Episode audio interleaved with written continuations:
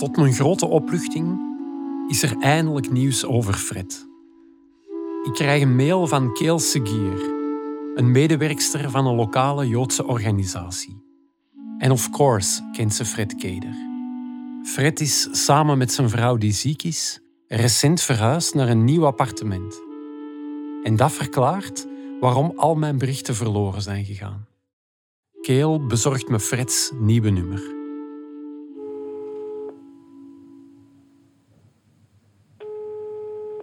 Het is al donker buiten. Maar in Omaha is het twee uur in de namiddag. Dat is het beste uur voor Fred, want dan rust zijn vrouw. Hello. Hello, sir. I'm looking for Dr. Kader. And King. yes, hello, doctor. My name is Bart. I'm calling you from Antwerp, Belgium. I saw the plus three to begin with. Yes. I've gotten your letters, your emails, I should say, and all the time you've put in into my history and my survival. It's an unbelievable story, Mr. Kader. I can't believe I'm talking to you now. Sometimes uh, I've always been slow to learn. De lijn is erg slecht, maar we praten meer dan twee uur. En Freds verhaal wordt levend en de geschiedenis plots heel tastbaar. That's really the only thing that I Op het einde spreken we af om opnieuw te bellen en verder te praten.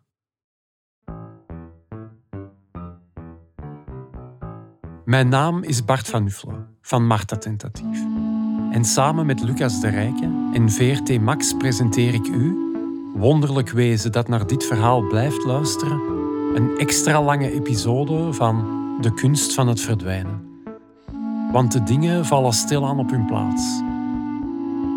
Aflevering 7. De sleutel.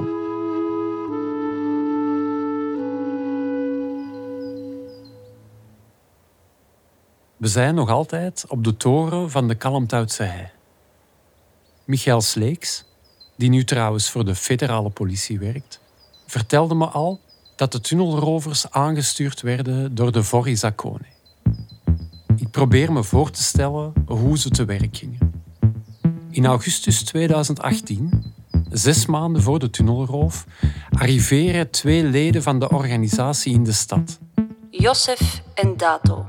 Josef, alias Eddy de Diamantair, huurt garages en het appartement dat als rovershol zal dienen. In diezelfde periode sluit Dato in een gokcentrum vriendschap met Koba en Gio. Vanaf dan zijn de drie vaak samen op pad. Dato, Koba. Wanneer de andere bendeleden in de stad arriveren, is niet duidelijk. De rat, De rat. wellicht van zodra het kelderappartement wordt gehuurd. Drie maanden voor de tunnelroof. De gravers, Malloy en Master. vermoedelijk pas als de tunnel zelf wordt gegraven. Het meest raadselachtig blijft de gangster met de rolkoffer. Het is niet duidelijk wanneer die in de stad aankomt. Hij wordt niet gezien door de camera's. Maar een Joodse buurtbewoner ziet vanaf september 2018 al een verdachte orthodoxe Jood. Hij rookt een sigaret op de hoek van de Nervierstraat en de Lamborghinièrestraat. De straathoek waar we telkens naar weerkeren. Ik vraag Michael wat de rol is van de gangster met de rolkoffer. Is hij de leider van de bende? Ik denk, dat de uitvoeringsfase begint, wel. Uitvoeringsfase heb je inderdaad iemand die wordt gestuurd vanuit de organisatie, vanuit de, de die eigenlijk een toezichthouder is. Die zegt van, kijk, jij moet nu dat gaan halen. Jij moet nu dat gaan halen. Want dat is logisch, hè. Een Belg, Koba, die dat machine gaat halen in Nederland, ja, dat is niet zo verdacht, want die spreekt de taal. Hè. Je, je stelt een dreamteam samen, hè, om het zo te zeggen. Hè. Hè, Een all-star team. En je zegt van, kijk, wat hebben we nodig? Die mensen die een tunnel gegraven heeft, die gaan ze de volgende keer, als ze een soortgelijke job hebben, gaan zeggen, maar je hebt expertise, je hebt ervaring. Ehm, we gaan u terug inhuren. Hè. Dus het klopt wat ik al zo lang dacht. De gangster met de rolkoffer leidde de operatie. Weten we met hoeveel mensen dat ze in die kluizenzaal hebben gezeten? In de kluizen zal zelf zijn geen camera's, dat weet je. Dus eigenlijk is dat nooit niet echt definitief geweten met hoeveel. Nu, het gat was niet echt groot. Dus degenen die erin zijn, gaan wel al niet de grootste. Koba Wild is niet binnen geweest in die kluis, daar ben ik zeker van. Die is daar te groot voor. En dan zegt Michael iets dat ik niet had zien aankomen. De Jood, ja. Daar ben ik bijna, eigenlijk bijna al zeker van. Die is echt wel klein, smal. Ja, die is echt een kleine, smalle man. En, en ik denk dat hij ook eh, is binnen geweest. Als dat zou kloppen, is dat echt ongelooflijk. De gangster met de rolkoffer leidde dan niet alleen de operatie, hij voerde ze ook uit. Hij haalt kluisjes leeg, terwijl de politie aan de andere kant van de kluizendeur wacht op iemand van BNP. Hij verdwijnt juist op tijd terug door dat gat, kruipt door de tunnel en wandelt een beetje later rustig weg met de buit. Raketaketak. Opnieuw voel ik bewondering. Bijna ontzag. Dat je dat durft. Dat je dat gewoon doet. Ik zou van het idee alleen al een hartaanval krijgen. En weten we wie dat een orthodoxe jood of orthodoxe gangster is? Niet meer zekerheid. Niet meer 100% zekerheid. Er zijn een aantal namen al geopperd door de Georgische politie. Ook door een fotovergelijking te maken. Hè. Ehm, en, en er is een naam die circuleert. En ik moet zeggen, ik heb de, de originele allez, mugshot gezien ook van de Georgische politie. Het lijkt mij, het lijkt mij hem. Een kleine. En zonder snor in het echt. En waar is hij? Als ik het zou weten. Ehm, ofwel is hij in Georgië terug. Misschien is op een strand in de Seychellen eh, met de buit. Maar hij is ook maar de uitvoerder, dus hij zal de buit eh, ook moeten afgeven hebben. Nog even om de mysterieuze man met de rolkoffer af te ronden. Uh, het verhaal gaat dat op het moment dat hij in die auto stapt en dus definitief de stad gaat verlaten, dat hij nu even knikt naar de camera. De pretlichtjes in Michaels ogen beginnen te gloeien. Wel, die, eh, die, die stapt eigenlijk in hè, en die, eh, die koffer wordt dan eh, mooi weggeborgen. En dan kijkt hij nog even naar de, naar de synagoog hè, en dan, uh, ja, dan knikt hij nog even met zijn hoofd. Hè. Hasta la vista, baby. Hè. I'll be back or I will won't be back. De gangster met de rolkoffer knikte naar de camera. En neemt zo op een grootse manier afscheid van de zevende wijk en van de politie, die hem niet zal pakken. Het is een schitterend filmbeeld. En het vervolg is al even filmisch. Want zo stel ik het me voor. Terwijl de auto wegrijdt, gooit hij achteloos zijn hoed op de achterbank, trekt zijn snorken af en knipoogt naar Dato, die aan het stuur zit. En ze rijden de stad uit. En net op het moment dat ze de toren van de federale politie passeren, krijgt de officier van wacht telefoon dat ze dringend naar de Belgelei moeten komen voor de kraak van een bank, die binnen enkele uren de tunnelroof zal heten en heel de wereld zal verbazen. Op mijn schema op de muur verschijnen er intussen steeds meer vraagtekens bij de bank. Want hoe meer ik erover nadenk, hoe zotter het wordt dat een bank de alarmsystemen uitschakelt omdat het alarm te vaak afgaat niets meedeelt over de buit en niemand te woord wil staan. Ook ons niet. Beste, de persdienst ontving uw verzoek via ons kantoor in Antwerpen. We kunnen helaas geen positief gevolg geven aan uw verzoek. Daarom vraag ik het aan Michael. De bank wil niks zeggen over de omvang van de buit, maar als ik erop doordenk, veel kan dat toch niet zijn? Er zijn maar 27 kluisjes opengebroken. Alles zat in één koffer. Je kunt zeggen, ja, maar dat is maar één koffer. Maar in één koffer, als er 500 diamanten in zitten, of er zit 10 kilogram goud, nu 10 kilogram goud is ook nog niet overdreven veel, maar er zitten 500 diamanten in. Dat zijn juist heel goede diamanten. Ja. Dat kan, dat kan dus. Dat, dat alles kan. Dus het leuke is dat we kunnen denken dat die oneindig rijk zijn. Oneindig rijk zijn, of dat die gewoon met een hele hoop waardeloze papieren zitten. Hè. dat, dat hopen we dan, maar dat is niet, denk ik. En dan stel ik een vraag waarop zelfs Michael Sleeks wat terughoudend reageert. Heeft de bank goed meegewerkt met de politie? Dat is een heikelpunt, hè? Dat is een heikelpunt. Um, en, en, ja, de bank, ja, de bank, de bank is de bank. Die hebben dat ook gezegd van we gaan, allez, we, ja, ze hebben eigenlijk wel meegewerkt, maar dat is niet van harte. Echt niet van harte. Ze hebben wel meegewerkt natuurlijk, hè. Maar ik weet dat er op een gegeven moment zelfs bijna gedreigd is geweest met huiszoekingsbevelen uh, om medewerking te krijgen. Hè. Uh, dat is een erg misschien. En uiteindelijk is dat allemaal wel, wel, wel geregeld geweest, maar het, heeft, het was moeizaam. Het was moeizaam. En zo worden de vraagtekens alleen maar groter. Want om de tunnelroof zo perfect uit te voeren, moet er iemand geweest zijn die de kluizenzaal heel goed kende, die exact wist waar het gat moest uitkomen. Weet de bank wie er allemaal in de kluizenzaal komt? En is er iemand vaker geweest dan normaal? Ik stuur opnieuw een mail naar BNP Paribas Fortis. Vertel hen dat ik met iedereen sprak over de tunnelroof, ook met de politie. En ik vraag opnieuw een gesprek aan. Beste heer Van Nuffelen, wij blijven bij ons besluit om geen commentaar te geven op dat incident, omwille van veiligheidsredenen. Het is duidelijk. De bank wil dat de wereld deze tunnelroof zo snel mogelijk vergeet. En dat snap ik vanuit hun standpunt. Maar ik wil er toch meer over weten. En omdat de bank zelf niks wil zeggen, gaan we langs bij iemand anders die over hen kan spreken. We spreken af met Jozef van der Meulen, medewerker van Fairfin. Dus dat betekent dat ik allerlei onderzoek doe over de financiële sector in het algemeen en hun impact op de maatschappij. Jozef en zijn collega's bij Fairfin volgen de Belgische banken al jaren op de voet. En hoe kijken de banken naar jullie? Ik denk als uh, kritische, uh, soms een beetje vervelende uh, luis in de pels. Jozef kent het verhaal van de tunnelroof. Ik geloof dat er ook echt kluisjes zijn beroofd geweest. Daar zitten waarschijnlijk emotionele, waardevolle dingen in die, die weg zijn. Dat is oprecht heel, heel spijtig. Voor de bank, dat is ingerekend in hun financiën waarschijnlijk. Die zijn ervoor verzekerd. In BNP-hoofdkantoor lagen ze niet wakker van die tunnelroof. Dat is part of the deal of zo, voor hen. BNP Paribas is, zit sowieso in de top 10 grootste banken ter wereld. Die controleren duizenden miljarden euro's. Dat is een gigantisch, machtig, invloedrijk instituut. Daaraan afgemeten is de buit van de tunnelroof niet heel. Of die nu 2 of 200 miljoen is. En ineens begrijp ik dat ik te klein kijk. Tijdens mijn onderzoek was ik bezig met de roof, de buit, de daders. Maar Jozef stuurt het gesprek in een andere richting.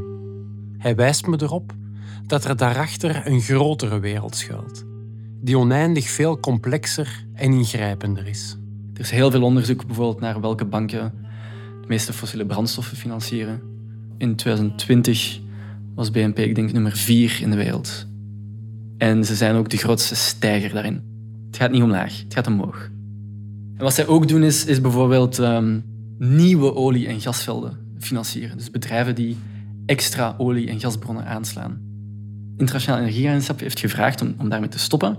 En is ook gevraagd om financiering daarvan te stoppen. En BNP stopt niet, BNP investeert meer in bedrijven die dat doen. En ineens wordt de tunnelroof futiel. Onnozel. Want wat is een verhaal over een tunnelroof als de wereld verschroeit? En zijn er nog andere problematische sectoren waarin BNP Paribas Fortis investeert? Ja, het ding is een beetje, omdat BNP Paribas zo groot is, zit ze in quasi elke sector. Maar er zijn wel een paar extreme gevallen geweest de afgelopen jaren. Jozef vertelt me dat de bank in de jaren 90 strenge internationale sancties heeft ontweken. Die waren opgelegd aan Sudan, waar op dat moment een genocide aan de gang was. En het land stond onder super strenge sancties om te proberen die overheid te verstikken omdat ze geen geld meer hadden. En BNP heeft dat ontweken en gezorgd dat die overheid toch geld kreeg. En ze zijn daar uiteindelijk voor aangeklaagd door de Amerikaanse overheid. En hebben in 2014 schuld bekend. Dus BNP heeft toegegeven dat ze dat hebben gedaan. En heeft onder andere voor die ontwijkingen en voor andere ontwijkingen van sancties een boete gekregen van 9 miljard dollar. Um, van de Amerikaanse overheid. Een van de grootste boetes die ooit is gegeven. En er zijn nu ook meerdere rechtszaken bezig, onder andere in, de, in Frankrijk en in de Verenigde Staten, waar dat Soedanese vluchtelingen of Soedanese inwoners BNP aan het aanklagen zijn voor hun steun aan de overheid, voor hun steun aan, aan het Soedanese regime. Hoe komt het dat een bank dan erop gewezen wordt, maar dan toch niets doet? Zijn die dan bewust slecht? Uh, nee, ik geloof niet dat de mensen bij BNP uh, bewust slecht zijn. Maar een bank is een financiële instelling in een competitieve financiële omgeving en moet winst maken. En het is die competitieve winstgedreven omgeving die BNP Paribas drijft naar dat soort praktijken. Elke grootbank doet zo'n dingen. Maar dat betekent niet dat het niet kan veranderen. En ik denk een groot deel daarvan is dat we gewoon moeten nadenken over hoe banken een andere maatschappelijke rol kunnen spelen. Geld is en blijft een zeer machtig ding. Dingen die geld krijgen, dingen die gefinancierd worden, die gebeuren. Dingen die geen geld krijgen, dingen die niet gefinancierd worden, die gebeuren niet. Dus BNP Paribas en andere grootbanken bepalen in superbelangrijke mate hoe onze wereld eruit ziet. En dat is niet alleen vandaag, dat is ook... Zij maken investeringen in projecten op de lange termijn, dingen die 10, 20, 30 jaar duren. Dus de investeringen die BNP Paribas vandaag maakt, die bepalen de wereld van binnen 10, 20, 30 jaar. De dingen vallen op hun plaats. Ik zie een planeet die door duizenden mannen met rolkoffertjes wordt verhit in opdracht van winstmaximalisatie. Wat er dan weer voor zorgt dat courierbedrijven onder druk komen te staan, zodat de leveranciers van wasmachines nog sneller en harder moeten werken en beginnen dromen van een ander leven. Koba en Gio staan niet meer in mijn living. Het zijn ineens pionnen in een groot mondiaal spel, waar zij de rol spelen van laagbetaalde interimarbeider, zonder uitzicht op een vast contract, zonder de belofte van een carrière, zonder perspectief op een groot en meeslepend leven, dat hen nogthans voorgespiegeld wordt. In de reclame op tv, in filmpjes op TikTok, Facebook en Instagram, waar de helden van vandaag jonge gasten zijn die in Ibiza in discotheken met flessen van 10.000 euro staan te spuiten, op een VIP-podium hoog boven de rest. Maar om dat te kunnen doen, moet je dus een durfkapitaalbedrijf hebben, een filmster zijn of beleggingsanalist van een grote bank. Of je kunt een bank beroven. Dan wordt dat ineens een serieuze optie. De bandiet met de rolkoffer wordt steeds minder belangrijk. Hij was enkel het prisma die de zevende wijk en de omliggende wereld belichtte. In zijn spoor kwam ik in de fonkelende diamantbuurt terecht, leerde over een vergeten aanslag en vond in Amerika een man die als kind heel alleen door de zevende wijk dwaalde. Fred. Can you please tell me your name? Het is mijn allereerste vraag. Want die naam is belangrijk in dit verhaal. My legal name at the present time is Fred Jaruzelski Cater. I never lost my original last name Jaruzelski, but I added the name Cater to it. And the Fred is a change of names that I have had depending on where I lived. Fred heette niet altijd Fred. De eerste jaren van zijn leven heette hij nog gewoon Frans. Up until the age of four, my name was Frans. And uh, I uh, could speak Flemish, French and Yiddish. De kleine Frans Jeruzalski stond op lijsten en was voorbestemd om net als de rest van zijn familie vermoord te worden in Auschwitz. Maar dat gebeurde niet. Dat gebeurde doorheen de oorlogsjaren bijna miraculeus drie keer niet. Het verhaal van Dr. Fred J. Kader begint in Antwerpen. I was born in Antwerp in 1938. Van die eerste jaren herinnert hij zich weinig of niets. Hij was nog te klein, nog te jong. I have very little recollections from that time, even when I was at home with my family, till 1942, the year the Nazis came and created the beginnings of the Holocaust. En hij krijgt de kans niet om die herinneringen op te bouwen. Want iedereen zal vanaf 1942 uit zijn leven verdwijnen. De eerste die verdwijnt is Freds vader. Hij wordt opgevorderd om te gaan werken aan de Atlantikwall. My uh, father was sent with his brother for uh, slave labor in northern France, Pas-de-Calais. Do you remember anything about your father? No. I knew I had a father, but that doesn't mean very much. You know, as such as it's specific for me. Everybody has a father. De volgende die verdwijnt is Felix, de oudste broer van Fred. I uh, got separated from my family, basically because the Nazis were taking people away at different ways at different times. Felix krijgt in juli 1942 een oproepenbevel om te gaan werken in het oosten. Hij meldt zich aan, wordt op transport gezet en onmiddellijk vergast. Vanaf augustus 1942 beginnen de nachtelijke razzia's. Ze gaan gepaard met bruut geweld. En dan is het 11 september 1942. Er is opnieuw een razzia, maar deze keer gewoon overdag. Fred en zijn mama zijn die dag toevallig buiten, op straat.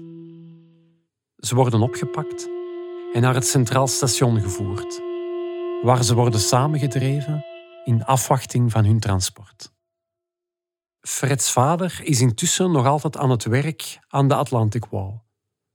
Die weet niet wat er met zijn gezin gebeurt. In de schaduw van het Centraal Station neemt Basha Kristal, de mama van Fred, de hartsverscheurende beslissing haar zoontje weg te sturen. And obviously, that was the first step that I took towards freedom and survival. En ik vind het ongelooflijk dat een mama dat kan, dat doet. It must have taken a lot of heart for a mother to give up a child. Unfortunately, she never found out that I survived, but I did, thanks to her and her love. En zo stapt Fred weg uit de versperring. Hij stapt het leven van zijn mama uit en ontsnapt voor de eerste keer aan een zekere dood. De volgende 50 jaar blijft Fred in het ongewisse over wat hem verder is overkomen. If my mother was on a train and I wasn't on it, what happened to me after that? Who was looking after me? Ik vraag dokter Keder heel voorzichtig of hij zich het gezicht van zijn mama nog kan herinneren. No. No. And can you remember anything about the lonely trip through the streets of Antwerp? No. Fred kijkt niet om en stapt helemaal alleen door de straten van de zevende wijk. Tot hij in de buurt van een weeshuis door een onbekende wordt aangesproken. En pas jaren later herinnert hij zich plots wie hem toen aansprak. And that came back to me as a strange phenomenon. Hij ziet op tv de jeugdreeks De Vliegende Non. The flying nun. And I look at it and I say, my God, that looks like someone who was with me on the street. En ineens weet hij wie er zich over hem ontfermde. Oh my God, that's what the lady looked like when I was walking on the street. You had like a kind of a good angel that came down. Yeah. Only wasn't a flying nun, it was a regular nun. Thank God she wasn't flying, she would have flown right over me. But that's all I remembered. Meer weet hij niet. Hij is nu een volwassen man. Een succesvol dokter met een fijn gezin en een gapend gat in zijn geheugen. Want hij weet niets meer, behalve enkele flarden. Een vliegende non aan zijn zijde. Een rit in een vrachtwagen tijdens een verschrikkelijk onweer. Het gevoel dat hij een tweede keer werd gered door een jongen, een kind nog. En zo beschrijft Fred het. Al die herinneringen van zijn vroege kindertijd zaten in een kluis van achter in zijn hoofd. My early childhood was as if somebody put it in a safe in the back of my head and locked it with a key and threw away the key. En de sleutel om die kluis te openen is weg. Schijnbaar voorgoed. So things registered, but never were able to come out.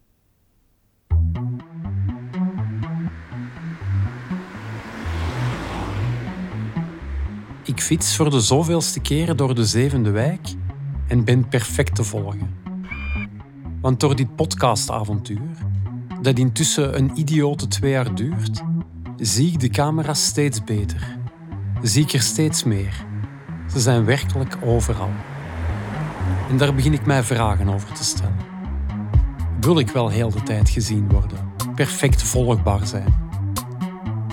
In 2017 kon stadsdichter Maarten Ingels nog met veel moeite een onzichtbare route uittekenen, die hem ongezien door de stad leidde. Vandaag zou dat niet meer lukken. Het is hier definitief onmogelijk onzichtbaar te zijn. En door het verhaal van Fred vind ik dat plots heel onbehagelijk. Want er komen niet alleen steeds meer camera's, ze worden ook altijd maar beter. De beelden die ik in de loop van mijn zoektocht te zien kreeg, waren vaak verbluffend gedetailleerd. En ook de informatica-programma's achter die camera's worden elk jaar beter. Wij hebben bijvoorbeeld een, een programma waar ik je bijvoorbeeld... Ik kan een voorbeeld geven. Hè. Michael legt mij de werking uit van Briefcam. Een gesofisticeerd zoeksysteem op basis van camerabeelden. Het Astridplein. Gebeurt van alles. Trams, bussen, motors, fietsen, mensen die te voet gaan. Ik steek die 24 uur beeld in dat systeem en ik zeg, ik ben enkel op zoek naar de gele auto's. En die gaan mij op beeld enkel de gele auto's nog laten zien. Maar je ziet wel het Astridplein. Dus het is het exact hetzelfde beeld, maar alles is gewoon weg. En eigenlijk, je 24 uur beeld wordt misschien herleid naar twee minuten. Want je wilt zoveel clipjes met gele auto's, die worden gewoon achter elkaar geplakt. Ik kreeg zo'n selectie te zien. En het is echt ongelooflijk. Het drukke Astridplein is ineens leeg. En het enige dat je ziet is een reeks gele autootjes achter elkaar. En dat lijkt dat precies dat de een na de ander rijdt, maar dat kan zijn de ene om één uur rijdt en de ander om vier uur. Het is een betoverend science fiction beeld. En dat is dan nog maar niks waarschijnlijk. Hè? Want ik denk dat er nog veel meer programma's bestaan die wij niet kunnen betalen als politie, die nog beter zijn. Maar met het verhaal van Fred in gedachten wordt het ineens ook een huiveringwekkend toekomstbeeld. Want zo besef ik ineens, die zoeksystemen gaan blijven verbeteren. En het cameranetwerk wordt de komende jaren verder uitgebreid. Dat is beslist beleid. De camera's worden altijd maar slimmer. En wij komen steeds beter in zicht. Steeds beter volgbaar, leesbaar. Het dystopische science fiction beeld van een ultrabewaakte stad met spionagedrones is vlakbij. De eerste testen in de haven zijn achter de rug en de resultaten, zo staat in de krant, waren veelbelovend. Ik lees op het internet dat het burgerprotest in Hongkong met dit soort cameratechnieken is neergeslagen. De science fiction is realiteit geworden. Mensen zetten strepen op hun gezicht om niet herkend te worden door gelaatsherkenning. Wat soms lukt, maar dikwijls niet. Mensen kunnen niet meer op de hoek van de straat samenkomen om te overleggen, want de camera's hebben oren. Dus zwijgen ze, volgen ze, verbijten hun woede. Ineens voel ik me niet meer zo gerust in mijn door camera's bewaakte stad. Ik leg het vraagstuk ook voor aan Michael Sleeks. Het is onmiskenbaar dat er, altijd dat er meer en meer wordt ingezet op camera's. Ik vermoed dat dat iets is dat je toejuicht. Wel, dat gaat nu heel raar uh, klinken wat ik nu zeg. Ik juich dat inderdaad toe omdat dat enorm veel dingen oplost. Tegelijkertijd ben ik mij heel erg bewust van het feit dat camera's potentieel een inbreuk zijn op uw privacy. En ik ben blij dat er mensen zijn die effectief over de privacy waken. Hè. Ook dat ik soms denk van, zagen vind. Hè. Maar ja, het is wel goed dat iemand die reflectie maakt. Hè. Hè, want natuurlijk, van het politiestandpunt denk ik, ja, laat op elke hoek met een camera zitten en laat iedereen bij spreken zijn vingerafdruk en zijn DNA maar afstaan. Natuurlijk denk ik dat. Maakt mijn werk veel gemakkelijker. Maar is dat Big Brother? Ja. En daar moeten we voor oppassen. De overheid van vandaag is misschien perfect democratisch, dit en dat. Maar is die binnen 20 jaar nog even democratisch? 32, denk ik. 34, ja, hier. Grossman. Ik ga op bezoek bij Michel Grossman. Mogen we binnenkomen? De man die als jongen de aanslag van 1980 meemaakte. We spraken hem op de hoek waar die aanslag plaatsvond. En toen viel me op hoe sereen hij vertelde over die noodlottige dag. Over de dood van zijn neef David, over zijn eigen overleven. Maar nog niet alles is verteld. Enkele dagen na onze ontmoeting heeft hij me gecontacteerd. Hij heeft nadien nog veel aan David gedacht, zijn neef die bij de aanslag gedood werd. En hij wil me nog iets over hem vertellen. En Michel heeft ook een kaft met knipsels. Dat, dat kunt u waarschijnlijk niet lezen. Nee, maar ik heb wel vrienden die het kunnen Dat ben vertalen. ik. Ah, dat bent u. Maar ik herken uw kinderen erin natuurlijk. Kijk. Michel en zijn vrouw hebben acht zonen. En een aantal van hen woont nog thuis. Ze kijken mee naar de foto's. Hadden jullie dat al gezien, dit? Ja. Het zijn vriendelijke, open jongens. Gewoon jongens als mijn eigen jongens. Op het tweede zicht. Want op het eerste zicht zijn ze totaal anders. Ze dragen een kippeltje, hebben een grote krul achter hun oor en dragen net als hun vader de tzitzit, het witte hemd met rafels. En nog een verschil, ze zitten niet achter computerschermpjes verdoken. Dat bent u? Ja. Ik zie krantenfoto's van Michel zijn gezicht, dat door ontelbare granaatsplinters is getroffen. Dat u er nog zo goed bent uitgekomen. Dat is de, de Lata van mijn vader. Dat heeft mij naar het kamp gebracht. Maar Later. allee. En die was helemaal eh, eh, met gaten van de aanslag. Maar hier zie je dat niet. Hier zie je dat. En dan vertelt Michel waarom hij nog vaak aan David denkt. Ik denk dat hij heeft mij gered. Want het kwam van de Nervierstraat, van de hoek daar. En dat ging zo, ik stond hier en hij stond hier. Hij heeft het voornaamste eh, opgevangen ja, en hij mij gered. Ja. Maar wij geloven dat God ons altijd heeft beschermd. En nu ook. Ik en mijn vrienden die zijn gebleven. God heeft, heeft ons gered. En wat doe je dan met David, die niet gered is? hoe moet je papa dat dan Ja, dat is...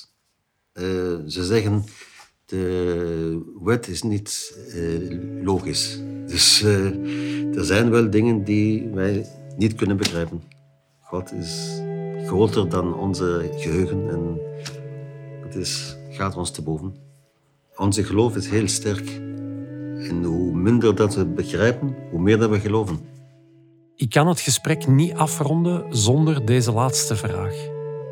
Want die houdt me al lang bezig. Weet u waarom dat kamp uiteindelijk toch is doorgegaan? Ja, wij laten zich niet eh, afschrikken. Wij moeten eh, niet eh, aan de vijand geven wat, wat hij wil. En wij gaan verder in het leven. Ik praat nog wat met Michel. Want ik voel me op een gekke manier met hem verbonden. We wonen allebei in het midden van de stad. We zijn allebei vaders. We maakten allebei iets mee dat onze jeugd overhoop haalde. Ik een accident zonder te veel gevolgen, hij een dodelijke aanslag. Maar ik weet nu al dat we elkaar na vandaag wellicht nooit meer zullen zien. Het leven van Michel Grossman is gebouwd rond zijn geloof. Hij gaat driemaal per dag naar de synagoge. Zijn jongens gaan naar Chassidische scholen en jeugdbewegingen. Ze zullen Chassidische meisjes trouwen, in Pittsburgh, Jeruzalem of New York. Het leven van de Chassidische Joden loopt parallel met de rest van de stad, in een eigen georganiseerde wereld. Wat er ook voor zal zorgen dat mijn toffe schermzone en zijn toffe gebedszone wellicht nooit vrienden zullen worden. Hello, Dr. Kader. It's Bart from Belgium, Antwerp here. Yes, how are you? Hoewel een oceaan ons scheidt, verloopt het contact met de Dr. Fred J. Kader steeds beter. Is everything going well with you? Yes, are pretty stable. We hebben al veel gebeld. Hij weet intussen hoe slecht mijn Engels is. Ik weet ondertussen dat hij me toch begrijpt. Fred herinnert zich weinig tot niks van zijn moeder en de wandeling door de straten van Antwerpen. Maar hij heeft wel herinneringen aan de tijd toen hij zeven was. I realized that I was in an orphanage by myself with all the other people there who were there because they were on their own. And they too were orphans. Via de vliegende non en een heleboel omwegen kwam Fred in een weeshuis in Wezenbeek terecht. De oorlog loopt naar zijn einde. I also appreciated that we could hear the planes flying overhead at night, which we found out were Allied planes going to Germany to bomb the Nazis. En dan op een dag is de oorlog voorbij. Al in het najaar van 1944 begint het weeshuis van Wezenbeek leeg te lopen. People started to disappear. People who I thought were orphans like me were being picked up by family, by friends of the family. Maar niemand komt om Fred. Hij blijft achter, samen met enkele andere kinderen en amper nog begeleiders. It wasn't bad. Being a seven year old, going out on the street, doing what they want to do, not have to respond or answer to anybody. Fred wordt een wild kind, vrij en ongebonden. En niemand komt hem halen. Hij gelooft twee jaar lang dat hij niemand meer heeft, dat hij alleen op de wereld is. Maar dat is niet zo. One day, a gentleman came into the orphanage, and uh, that turned out to be my uncle. In 1947 wordt hij opgehaald door zijn onkel, de broer van zijn vader, die dacht dat zijn hele familie was gestorven in de Holocaust. Hij is hertrouwd en leeft in Brussel. And he took me to live with him and his family in Brussels. And I remember the electric train ride and the trip into Brussels. That I remember. Hij krijgt een nieuwe naam. I changed it to François. Maar het wilde, getraumatiseerde kind kan niet aarden in het nieuw samengestelde gezin. Living there with my uncle and his family was more than a bit difficult. Ze proberen het. Twee jaar aan een stuk, maar het lukt niet. I was used to doing my own thing, my own way, not have to respond to anybody. And uh, I actually gave my uncle and his family a harder job than they thought they were going to have. Er is geen plaats voor rouw. Er is geen plaats voor herinnering. Er zijn geen woorden voor de gruwel die nu voorbij is. They never talked about anything. Just one day, for 15 minutes, my uncle said, We gotta talk. I gotta tell you what happened to your dad. And that was it. Never talked about anything related to the war after that. Ten einde raad komt zijn onkel verre familie op het spoor in Canada. En er wordt beslist om Fred daarheen te sturen. At the age of nine, when I went to live with my great aunt and great uncle, who found out that I was alive, they wanted me to come to Canada, Montreal, so that I could have a new life. En zo verandert alles opnieuw. Fred vertrekt naar de andere kant van de oceaan met de boot. We went to Calais, and there we got on the boat to go to uh, Montreal. Het is een woelige trip en de familie die hem vergezeld wordt ziek. En zo is de nu elfjarige Fred eindelijk terug vrij. Hij zwerft over de boot en sluit vriendschap met een barman. This is how I survived the days of the boat trip across the Atlantic, speaking French with a gentleman who was willing to look after me. Fred komt aan in Canada, waar hij wordt verwelkomd door zijn nieuwe familie, de familie Keder. I could see family trying to call me and pronounce my name, Jagozelski. Hij begint aan een nieuw leven met opnieuw een nieuwe naam. I got the English name Fred. Fred is ook in Canada nog steeds wild en op zichzelf. I was still doing uh, crazy shticks, crazy things.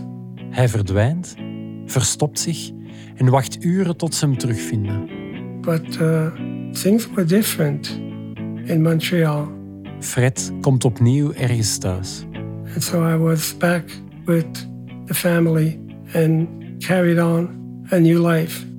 And I said my family because in time they adopted me and I adopted them, even though it was never on paper. And so life went on.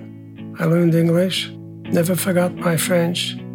Fred Keder zegt het zelf niet met zoveel woorden, maar hij is een uitzonderlijk begaafd student. I finished grade school, ended up going to high school, and uh, was uh, able to to do pretty well. And so time came and got into high school, and uh, there I was fortunate to be able to read a lot about the war. Hij leert er over de Holocaust. En de vragen keren weer. Wat is er gebeurd met zijn familie? Hoe zijn ze gestorven? En door welk wonder heeft hij zelf die oorlog overleefd?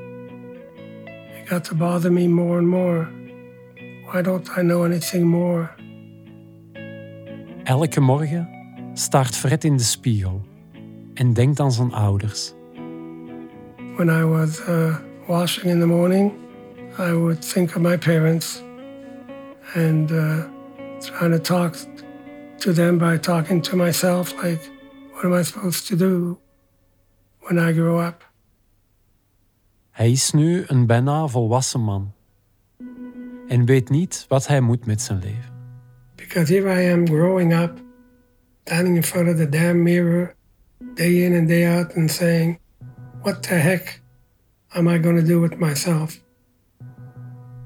En dan op een dag zijn ineens zijn ouders bij hem. My mother and dad were standing in back of me, and I could see him in the mirror. What the hell would they want me to do? They want an answer now. En dan weet hij het antwoord. And the answer was very simple. By this time, I had learned that I survived because of the kindness of people. People who were taking risks of their own lives to try to save a Jewish life. Fred beslist voor de spiegel om dokter te worden. Omdat hij beseft dat hij zelf geholpen is door zoveel mensen. En hij wordt niet zomaar een dokter. Who the hell needs the most help? It's children. Hij wordt pediatrisch neuroloog. Dat moest ik dus opzoeken. Dat is een kinderdokter gespecialiseerd in aandoeningen van het zenuwstelsel. It's the children who need the most help and support. De jonge man voor de spiegel weet waar hij naartoe wil, maar hij weet nog steeds niet waar hij vandaan komt. Zijn geschiedenis is verdwenen. En dat zal zo blijven tot op één wonderlijke avond in 1991, waarop hij plots alles leert, alles begrijpt, alles ziet. Allee, dat, dat is ongelooflijk. dat het zo lang duurt.